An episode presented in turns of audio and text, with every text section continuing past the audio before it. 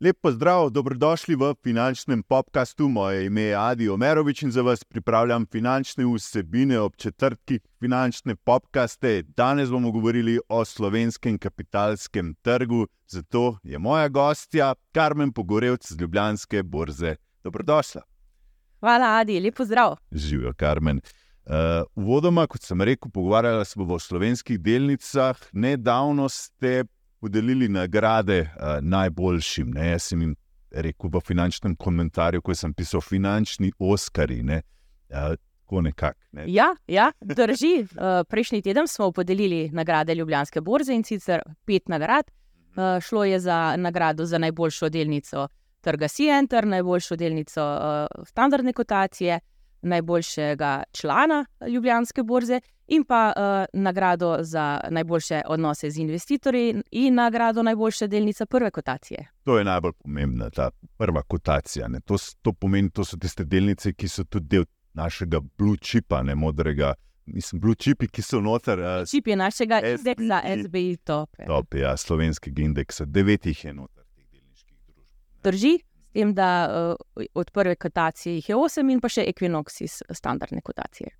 Equinox je v standardni, ampak je kljub temu lahko se pravi del. Ja, uh, ja. SVI top uh, indeks vsebuje delnice glede na uh, likvidnost in še nekatere druge kriterije, in uh, Equinox se je uvrstil v ta indeks. Uh, tako da ni važno, ali je delnica v standardni kotaciji ali je delnica v prvi kotaciji, lahko pride tudi v indeks SB. Okay. Mogoče uvodoma še predno greva na te nagrade, zakaj je kdo dobil, kaj, kaj, zakaj, zakaj si to zaslužijo. Uh, če pogledamo naš sploh trg v letošnjem letu in dava neko oceno, uh, vemo, imeli smo poplave vmes.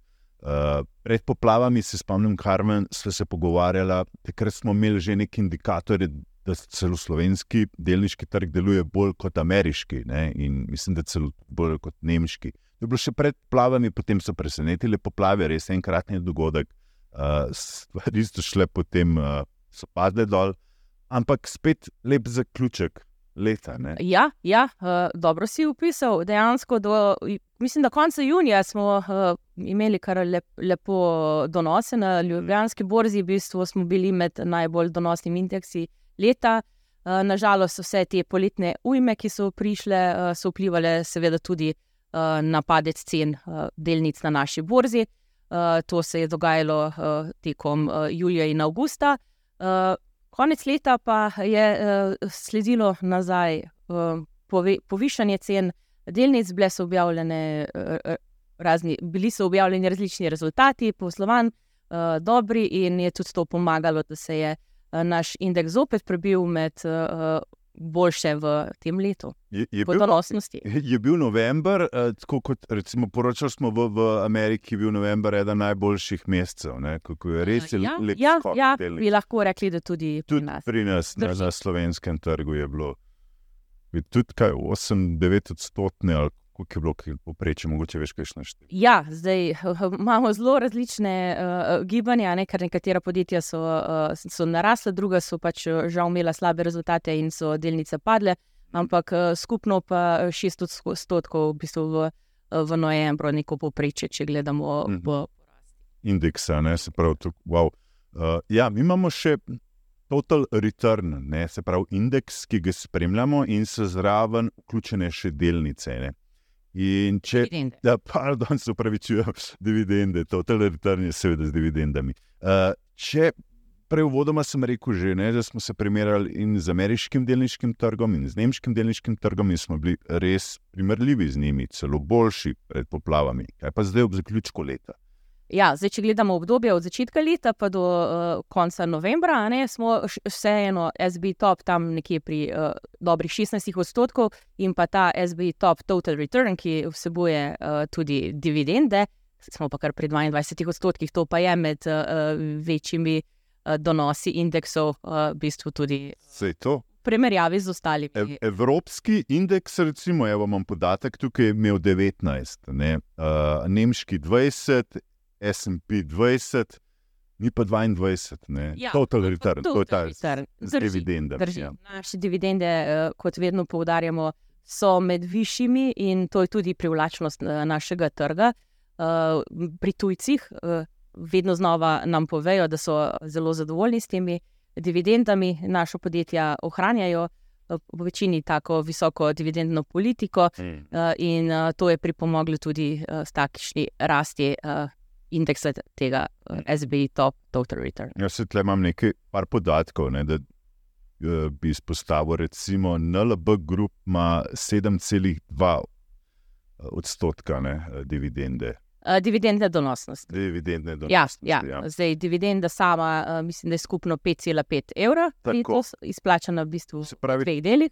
kako se to gleda, teh 5,5 evra, to je na delnico ali Na delnico, ja, drži. Zdaj skupščina določi, glede na poslovne rezultate, kakšno bo izplačilo uh, dobička, torej kakšen znesek bo uh, temu namenila, in potem se vse izračuna na delnico. Torej 5,5 evra na delnico uh, so dobili delničarji uh, NLB-ja. NLB-ja. Delnica je pa zdaj vredna, mislim, da okoli 72.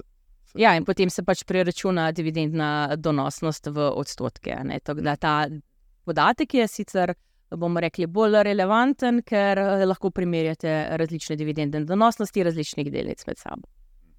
Ma tudi Luka Koper ima zelo visoko donosnost, ne? 8,1 odstotka. Najvišjo. Koper, ja, je letos je izplačala zelo uh, visoko dividendo, v bistvu so jo povišali uh, zaradi zelo dobrih eh, poslovnih rezultatov v prejšnjem poslovnem letu.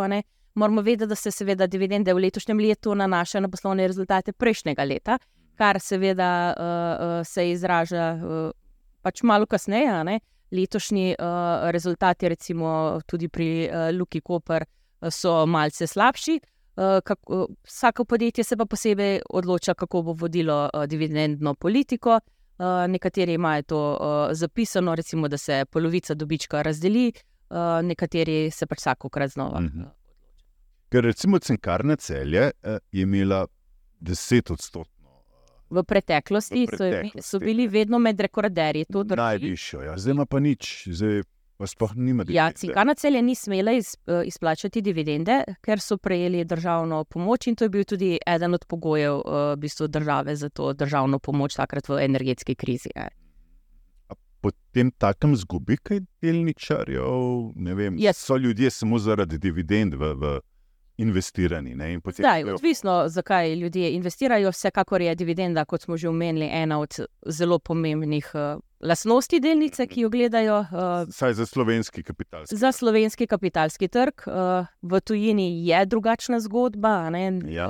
Uh, kot uh, rečeno, slovenska podjetja izplačujejo nadpoprične dividende, in konkretno pri Cinkarni celje uh, je veliko, kateri delničar se nadeja v te visoke dividende in je tudi mogoče zaradi tega kupil to delnico. Je tudi drugače, ker recimo v, v ZDA izplačujejo dividende štirikrat let. Ja, v Ameriki ponavadi štirikrat na leto, na četrtletje uh, izplačajo dividende, ampak dividendne donosnosti so nižje. Zelo nižje. Ja. Kolikor pri nas izpla, izplačamo dividendo? Slovenska podjetja ponovadi enkrat na leto, uh, je pa NLB se odločil in dvakrat na leto izplačuje dividende, tako da recimo drugi del dividende bo izplačan s, uh, zdaj decembra, oziroma v tem zdaj je bila skupščina in so določili za ta drugi del. Uh, večinoma pri nas se izplača enkrat na leto, tam nekje začnejo se izplačila okrog uh, junija, julija. Um, v Evropi je recimo bolj navada dvakrat na leto. Um, Amerika pa kar štirikrat na leto, samo so pa dividendne donosnosti znatno niže. Tam pa govorimo, ne vem, hitro smo pod dvema odstotkoma dividende. Ja. Uh, če gledamo sploh ta, recimo ta velika podjetja, Apple. Apple. Apple smo gledali, ni cela pet odstotna dividendna donosnost letna, to ni ravno dividendna. Vem, da ima, mislim, da Coca-Cola, mislim, da ima med najvišjimi, pa je na 3 odstotkih. Ja, zdaj tradicionalno, recimo v tujini so najviše dividende, razno telekom podjetja izplačujejo, ta, ta so bila. Uh, Ta so imela tudi više dividende donosnosti, okoli 4-5 odstotkov, ampak to so bile bolj izjeme, um, ne toliko pravilo, je pa, uh, je pa vsekakor drugačna dividendna politika pri teh podjetjih. Uh, tudi Telekom Slovenije, ne, poleg Cinkarne, letos ni mogel izplačati. izplačal, zaradi ker je isto prijel uh, pomoč. Ja, držav. ja, ja, mislim, da je bil isti. isti, isti ta razlog. Um, okay. um, če greva kar konkretno zdaj na te nagrade, ne, pa se mogoče kar dotakneva glavne nagrade, ki jo je prejela NLB, torej za izbor najboljše delnice leta, prve kotacije. Zakaj so dobili tega Ja, zdaj, finančnega Oskarja? ja, dobro poimenovanje. Ja. Uh, tukaj imamo štiri kriterije, po katerem se ocenjujejo delnice prve kotacije. In sicer uh, prvo je uh, promet, drugo je uh, porast prometa, tretjo je uh, porast um, cene delnice, in četrti kriterij tukaj je, uh, koliko dni se je trgovalo s to delnico. ne. In uh, NLB je nad vse uh, prednjačila delnica pri porasti prometa. ne. Glede na prejšnje leto, jim je najbolj porastel promet, in seveda tudi delnica je naredila uh, preko uh, 30 odstotkov.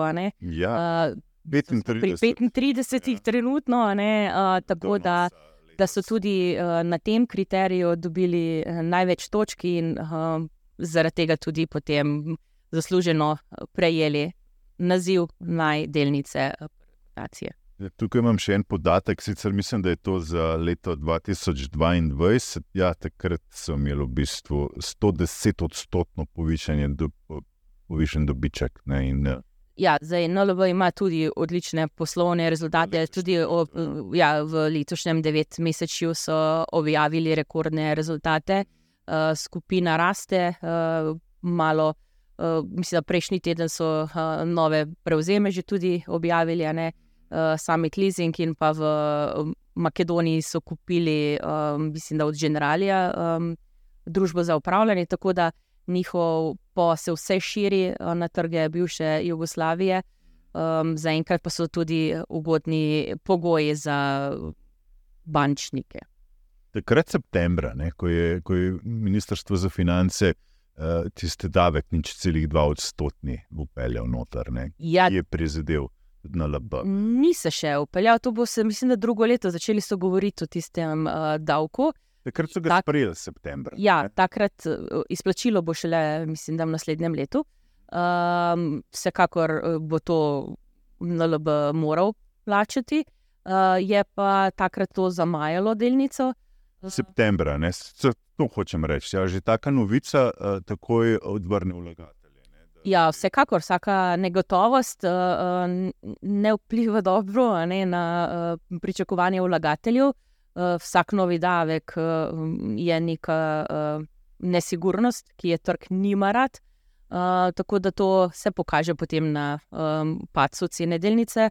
Uh, je pa vsekakor um, skupina NLB prikazala dobre poslovne rezultate, kar so prepričali investitorje, uh, da so pač delnico uh, pognali na više.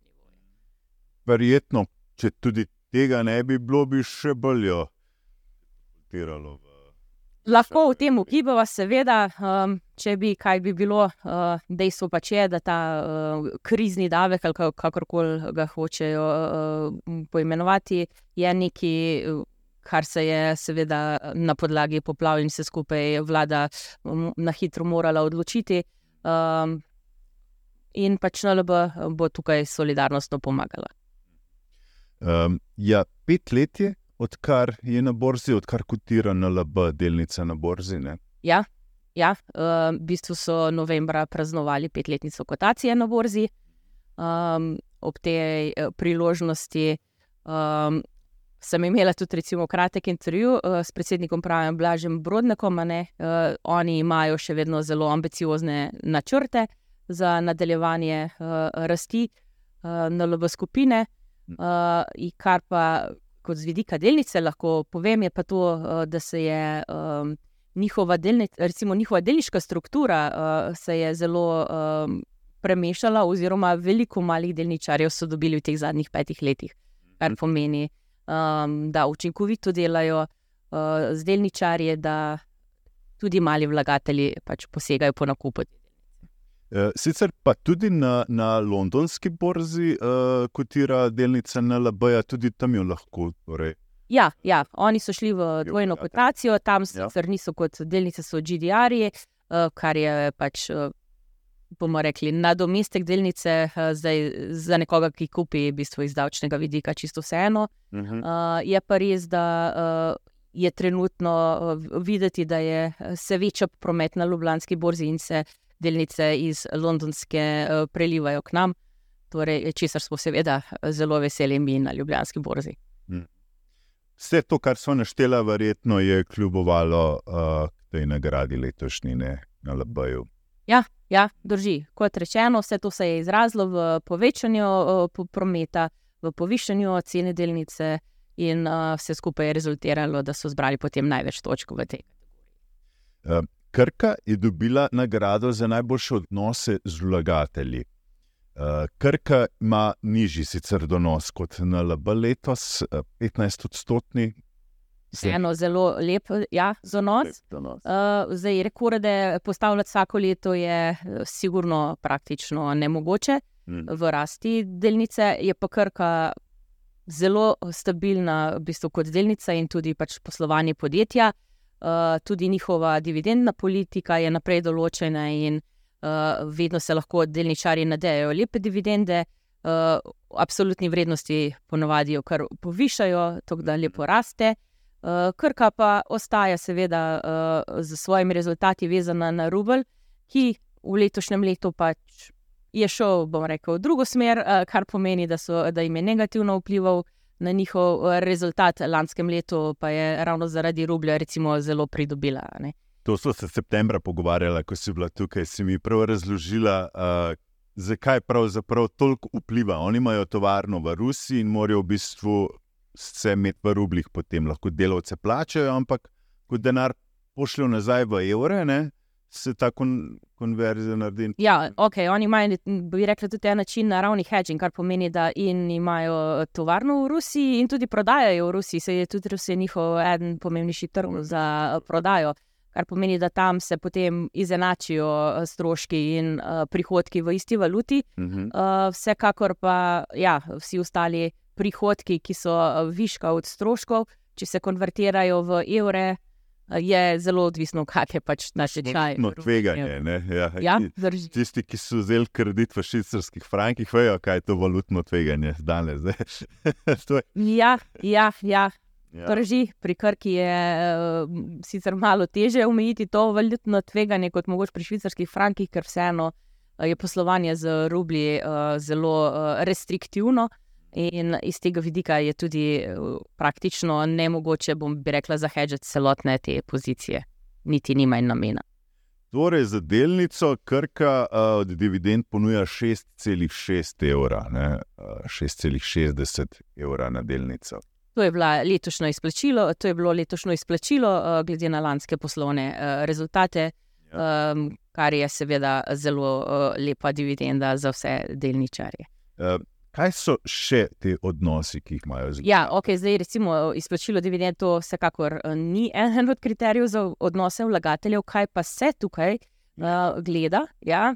Uh, so pa to, uh, kako podjetje komunicira z vlagatelji, torej uh, kako objavljajo poslovne rezultate, recimo časovno, da so dovolj hitro da so tudi v angliščini, uh, koliko sodelujejo z izdajatelji, uh, izdajatelji z uh, vlagatelji, koliko sodelujejo recimo na različnih investicijskih uh, konferencah.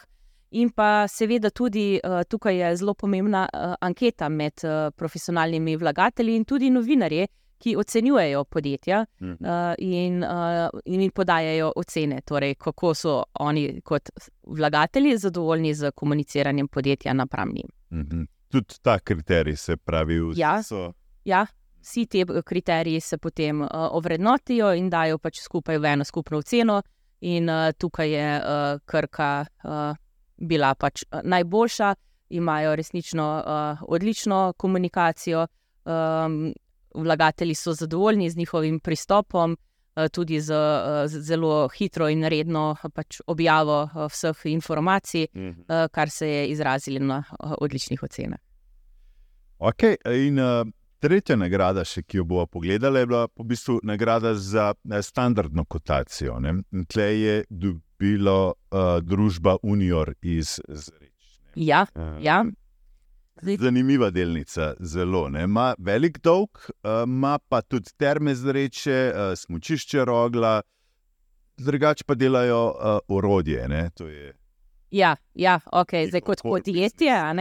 Zdaj, okay, uh, naj poudarim, da kot pri delnici uh, standardne kotacije so dejansko enaki kriteriji kot za eh, delnico prve kotacije, kar pomeni, ne ocenjuje se kot poslovanje podjetja kot samega, Uh -huh. ampak gibanje torej cene delnice in pa prometa delnice. Ne? To so Mhm. kriteriji, ki so pač za nas na borzi zelo relevantni in njim je najbolj porastel promet v primerjavi z prejšnjim letom od vseh delnic v standardni kotaciji. Uh, torej, in uh, povišanje prometa, uh, torej tudi delež prometa med vsemi delnicami standardne kotacije, uh, in tudi povišanje cene, vse to skupaj je botrovalo temu, da eh, je postala uh, Unior delnica uh, standardne kotacije. Ma pa sicer Unior samo dvodstotni donos letos, ne? za dva odstotka je ta cena poskočila, ni veliko. Ne, ja, ja, ni tukaj, mislim, kot rečeno, pre, uh, tu so štirje kriteriji in njim je najbolj promet uh, porasel v v primerjavi z vsemi uh, ostalimi. Uh, zaradi tega je. To je bil tudi ta glavni, bi jaz rekla, ponder tam, uh, da so dobili to uh, nagrado. Je pa res, da uh, vsekakor je, uh, poslovanje Uniorja letos uh, je uh, otežkočeno zaradi razmer na svetovnih trgih. Kot si omenil, nimajo samo uh, nekega core biznisa, imajo še turistični del, ki ga poskušajo prodati, bi rekla, že več let. Uh, zdaj naj bi zavezujoče ponudbe dobili do konca leta za ta Unitur, uh, torej turistični del. Uh, pa bomo videli, kako naprej.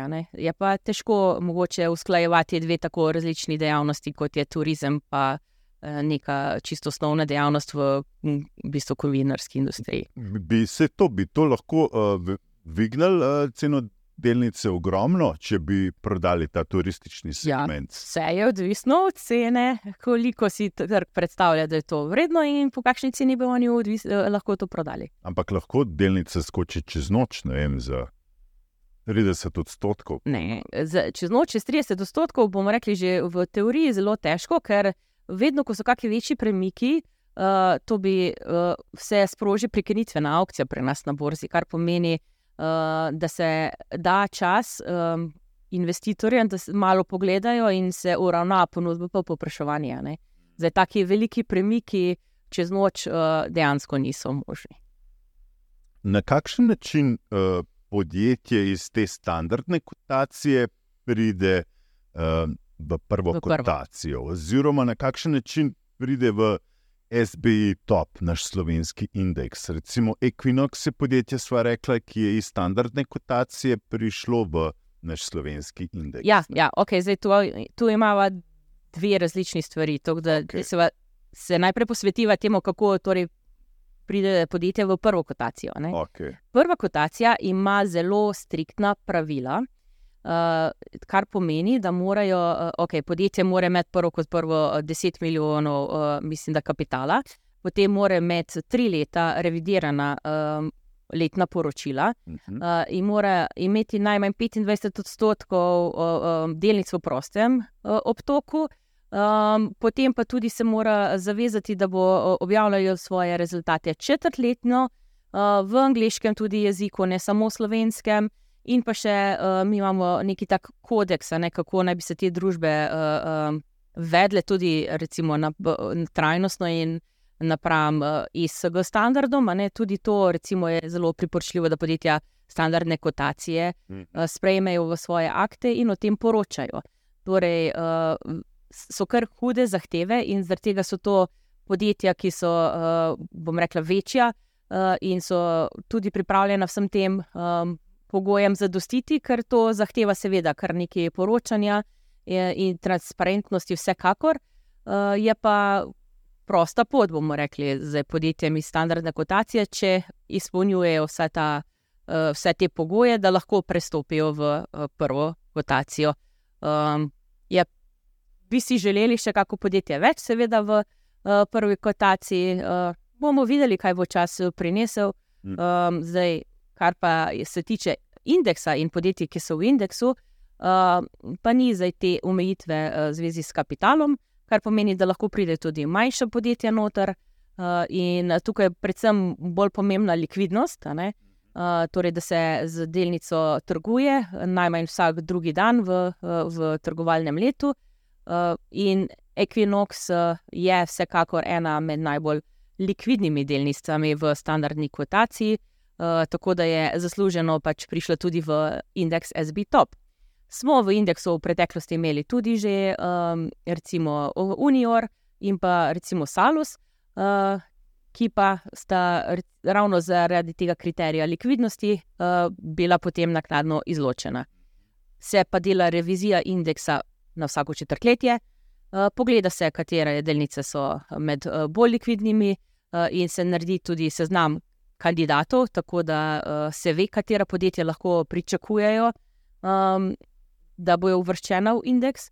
Uh, to je predvsem pomembno recimo, za indeksne sklade, ki spremljajo uh, naš trg, uh, da lahko tudi oni recimo, grejo v nakup, um, ker morajo pač slediti indeksu.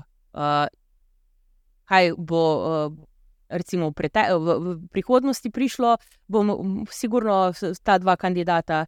Um, Bi lahko prišla spet v poštev, um, trenutno pa nimamo na listi nobenega kandidata, ki čaka na uvrstitev v SBT.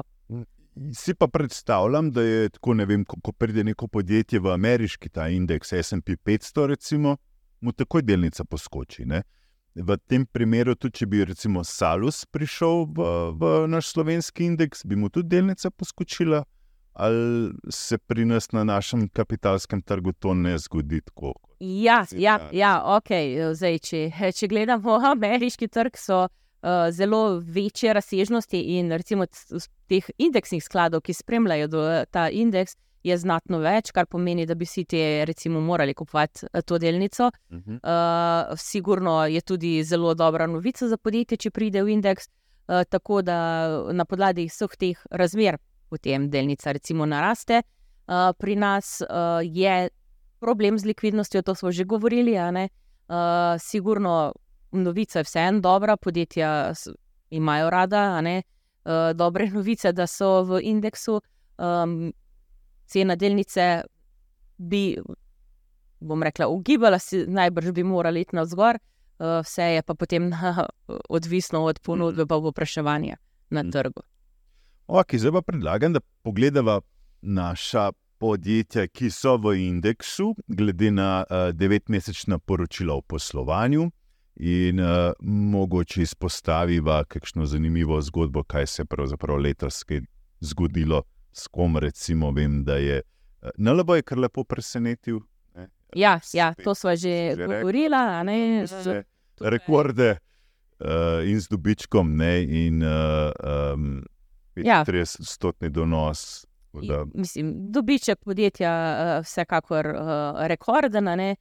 Zdaj, mogoče tudi uh, je treba povdariti, da uh, same bilance med leti niso ravno uh, uh, mogoče primerljive, ker ne vsebujejo, uh, ne, recimo, pre, oni so prej uh, na banko prevzeli, torej bi šlo Zberbanko, ki so jo vključili v svoje bilance. Ne, Zdaj so dodali še nova podjetja, ne, tok, da pač skupina uh, dejansko raste tako organsko, kot uh, s prevzemi. Zdaj, donosnost delnice, če gledamo, je poleg NLB-ja, ki je res v vrhu, takoj za njim, recimo Telekom Slovenije in Luka Koper. Ne, oba dva sta ustvarila po 25 odstotni donos na delnico letos. Ja, ja, zdaj uh, Telekom bi rekla, je v preteklosti malo zaostajal po rasti. Uh, mogoče zdaj uh, nadomestil, so pa tudi oni imeli zelo lepe rezultate uh, in tudi napovedi za prihodnje. Eh, kar je pomagalo pač rasti cene uh, delnic. Je bila podcenjena delnica torej v, v preteklosti? Ne? Zdaj, to je zelo relativen pojem, kaj je podcenjeno. Vedno uh, uh, se reče, da na trg živi. Glede na kazalnike, uh, um, vsekakor je pa res, da uh, pač Telekom uh, po sami uh, strukturi ima zelo velik delež države in je mogoče tudi zaradi tega uh, včasih uh, manj privlačen za kakega zunanjega investitorja, uh, delajo pa dobro, in zdaj so tudi napač napovedali uh, boljše poslovanje, tudi še vnaprej. uh, kar je pozitivno vplivalo na ceno delnic. Kaj se pa z Luko Koper dogaja? Luka Koper dejansko kot poslovanje zelo povečuje, torej govorimo o pretovorih. Imeli so, mislim, da rekordne pretovore avtomobilov, potem tudi zelo dobri rezultati na razsutem tovoru. Je pa res, da seveda oni imajo na drugi strani veliko komponentov tudi teh stroškov, ki se letos so jim povečali, povečali bolj, kot so pričakovali. Je pa ravno tudi pri Luki Koper imamo isto zgodbo kot pri Telekomu, podobno no, glede državnega lastništva. Um, in iz tega vidika uh, so to uh, delnice, ki jih potem recimo tuji vlagatelji ne spremljajo toliko kot katere ostale, kjer je manj državnega lastništva. In uh, glede na to, da so tujci na našem trgu kar pomembni kupci, uh, vplivajo tudi uh, na to likvidnost. Uh, petrol, recimo tudi le država in noter, ampak manj ne, kot v. Ja, ok, država uh, ima seve, vsekakor tudi tukaj uh, lastniški delež, uh, je pa bolj problematično to uravnavanje, v bistvu, oziroma diktiranje marša ne, in pa tožbe petrola proti uh, državi, tako Sloveniji kot Hrvaški. Um, to jim je vplivalo na poslovanje. Um, vsekakor ne pomagajo, pa niti uh, zadnji odstopi v upravi. Um, zdaj, delnica sama uh, po sebi sicer, bom rekla, ni uh, veliko reagirala na te uh, novice, ampak sentiment vlagateljev pač ne mara nekih nesigurnosti in takih menjav. To, to je bilo zdaj zadnje tri tedne, mislim, da ne, odkar je. Prišlo do menjave v vodstvu. Ne? Ja, pač Nada Drobne Popovič je najprej odstopila, zdaj pa še v bistvu uh, Matija Bitens um, ravno tako pač ne bo podaljšal, oziroma mandat, oziroma um, odhaja iz uprave. Um. No, kljub vsemu, donosnost petrolove delnice je bila letos skoraj enaka kot od Krke, ne? 15 odstotkov, no? malo manj. No? Ja, ja, vseeno ja. boljš, ampak petrol ima zelo lepo donosnost na delnice uh, letos. Petrol uh, uspešno diversificira svojo dejavnost, uh, zelo veliko dela je tudi na teh novih verjih, torej zelenih verjih uh, uh, energije. Um, ni, vsekakor so daleč stran od nekega, uh, bom rekla, tipičnega naftnega uh, trgovca. Um, lahko vidite tudi, recimo, vse njihove prodajalne. Um, so one-stop shop, ne, to je tudi njihova ta strategija. Uh, in s prevzemi tudi na Hrvaškem uh, uspešno širijo poslovanje. No, in potem pa prideva do zavarovalnice Triglav, tle pa ima negativni donos, uh, 11 odstotkov minusa donosa. Zavarovalnica Triglav ima pa se pa letos kar z nekaterimi problemi sooča, uh, torej poleg že omenjenih ujm, ki so. Uh, bile avgusta, ampak zdaj delnice je že maja začela padati. Ja, tam smo pa imeli probleme s tem dopolnilnim zdravstvenim zavarovanjem. In uh, vse, to, vse te nejasnosti glede tega ukinitvijo uh, so pač negativno vplivali tudi na uh, ceno uh, delnice.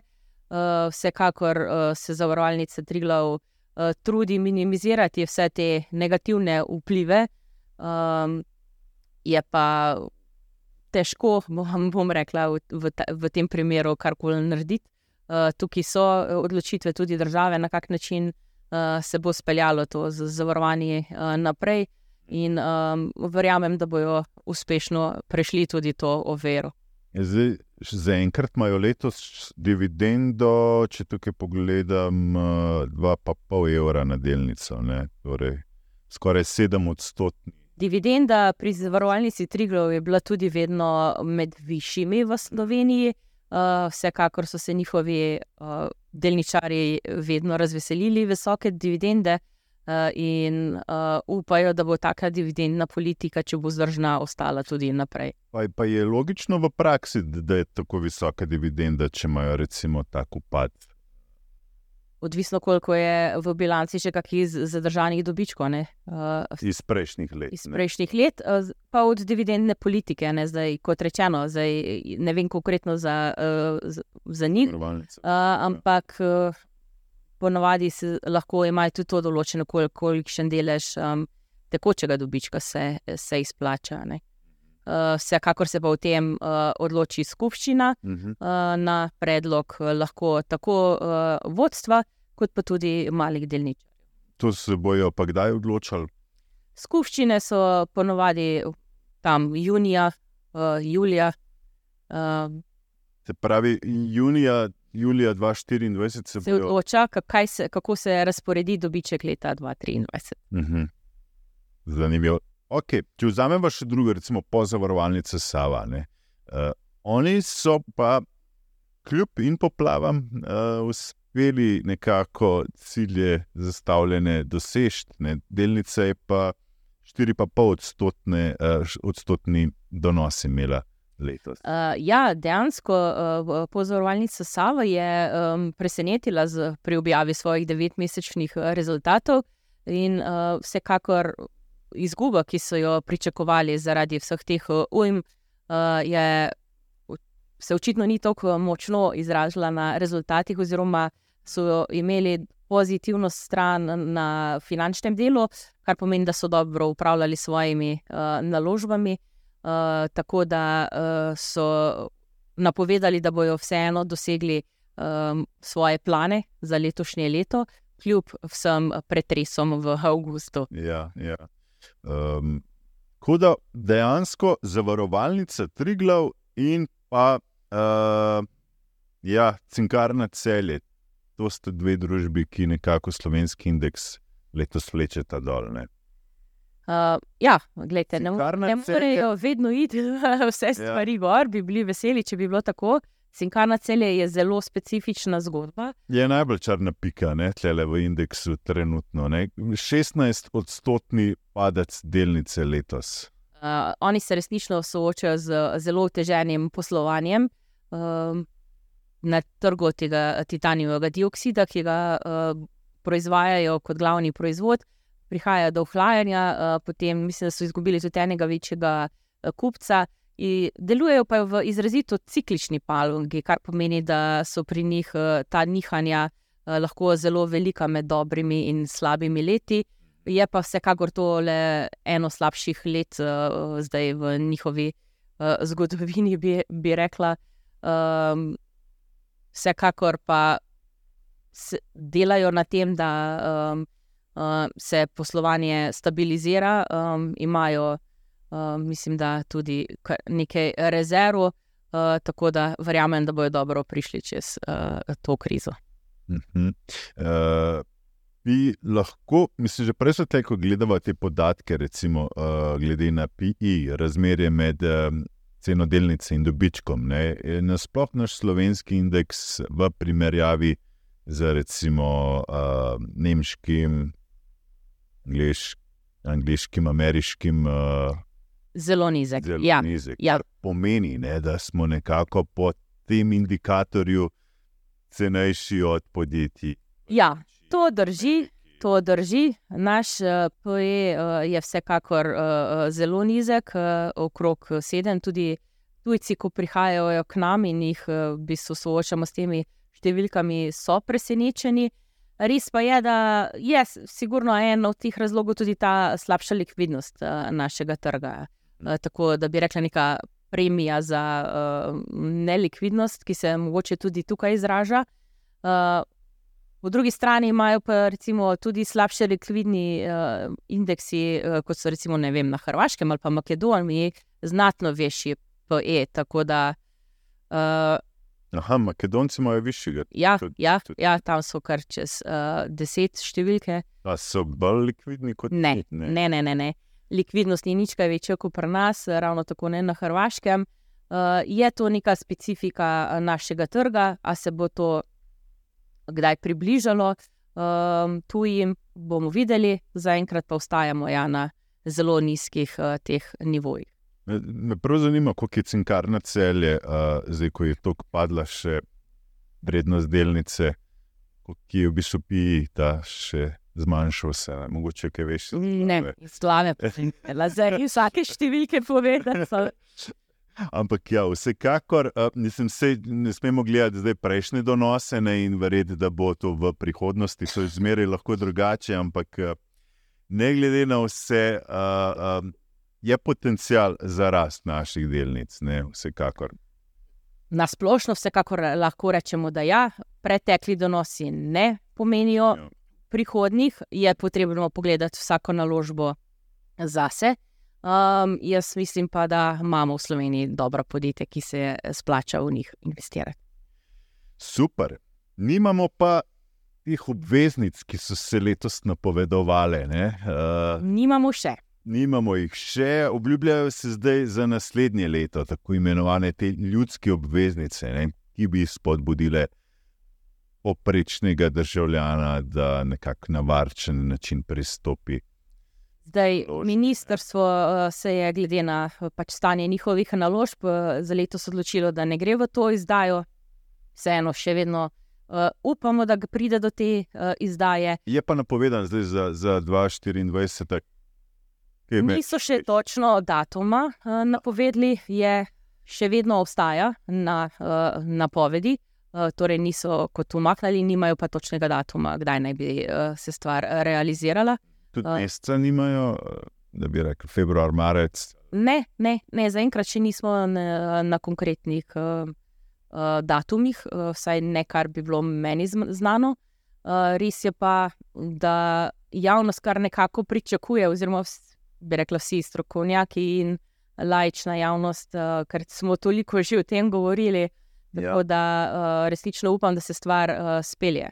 Ja, Uh, ker na Hrvaškem so imeli že, že dva taka poskusa ne, in dva uspešna.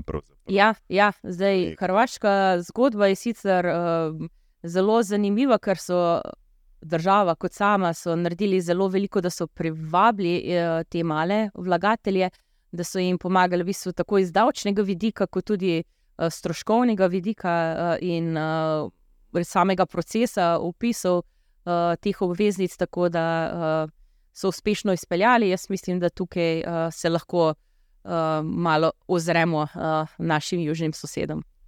So, um, kaj veš, mogoče v številkah, koliko so zbrali, koliko je bila donosnost, mislim, koliko je bila obrestna mera, ki so jo ponudili um, za, za to obveznico. Zdaj ne vem, koliko je bila ta, ta zadnja izdaja. Ta prva izdaja, mislim, da je bila, uh, so imeli neki 3,6 odstotno. Uh, Zdaj za drugo, pa, pa ne veš. Uh, bi sklepali, da je bila nekje približno tam.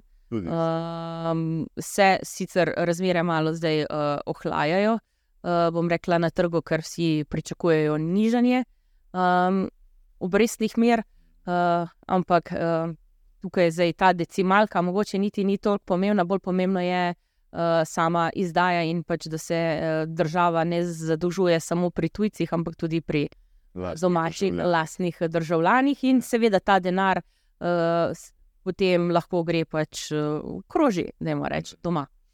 Ker smo pa videli, da se uh, komercialne obveznice pojavljajo, ne? se pravi, uh, zasebni sektor uh, išče denar od državljana, uh, prej kot od banke.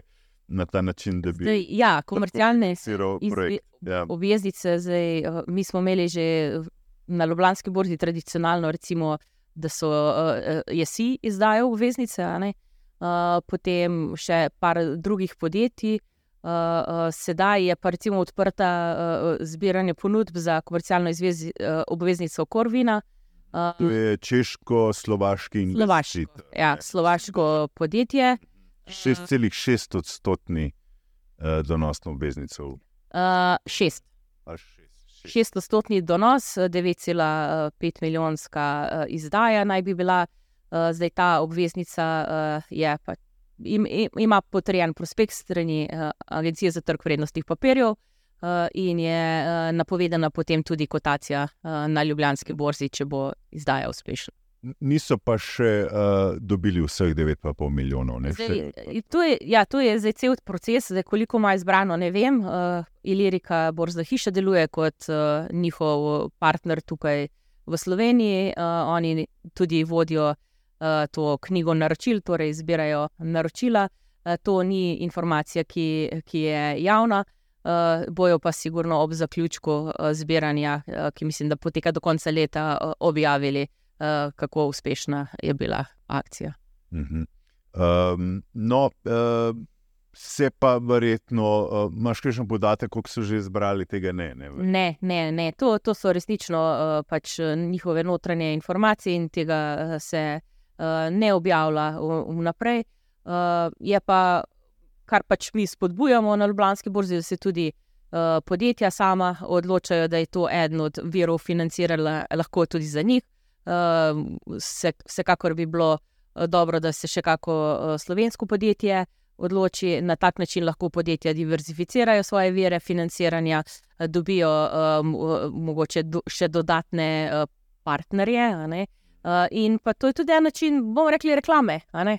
Zdaj, da si ti uh, kot, uh, kot je rajoča družba uh, na Ljubljanski borzi, pa pomaga tudi pri poslovnih partnerjih.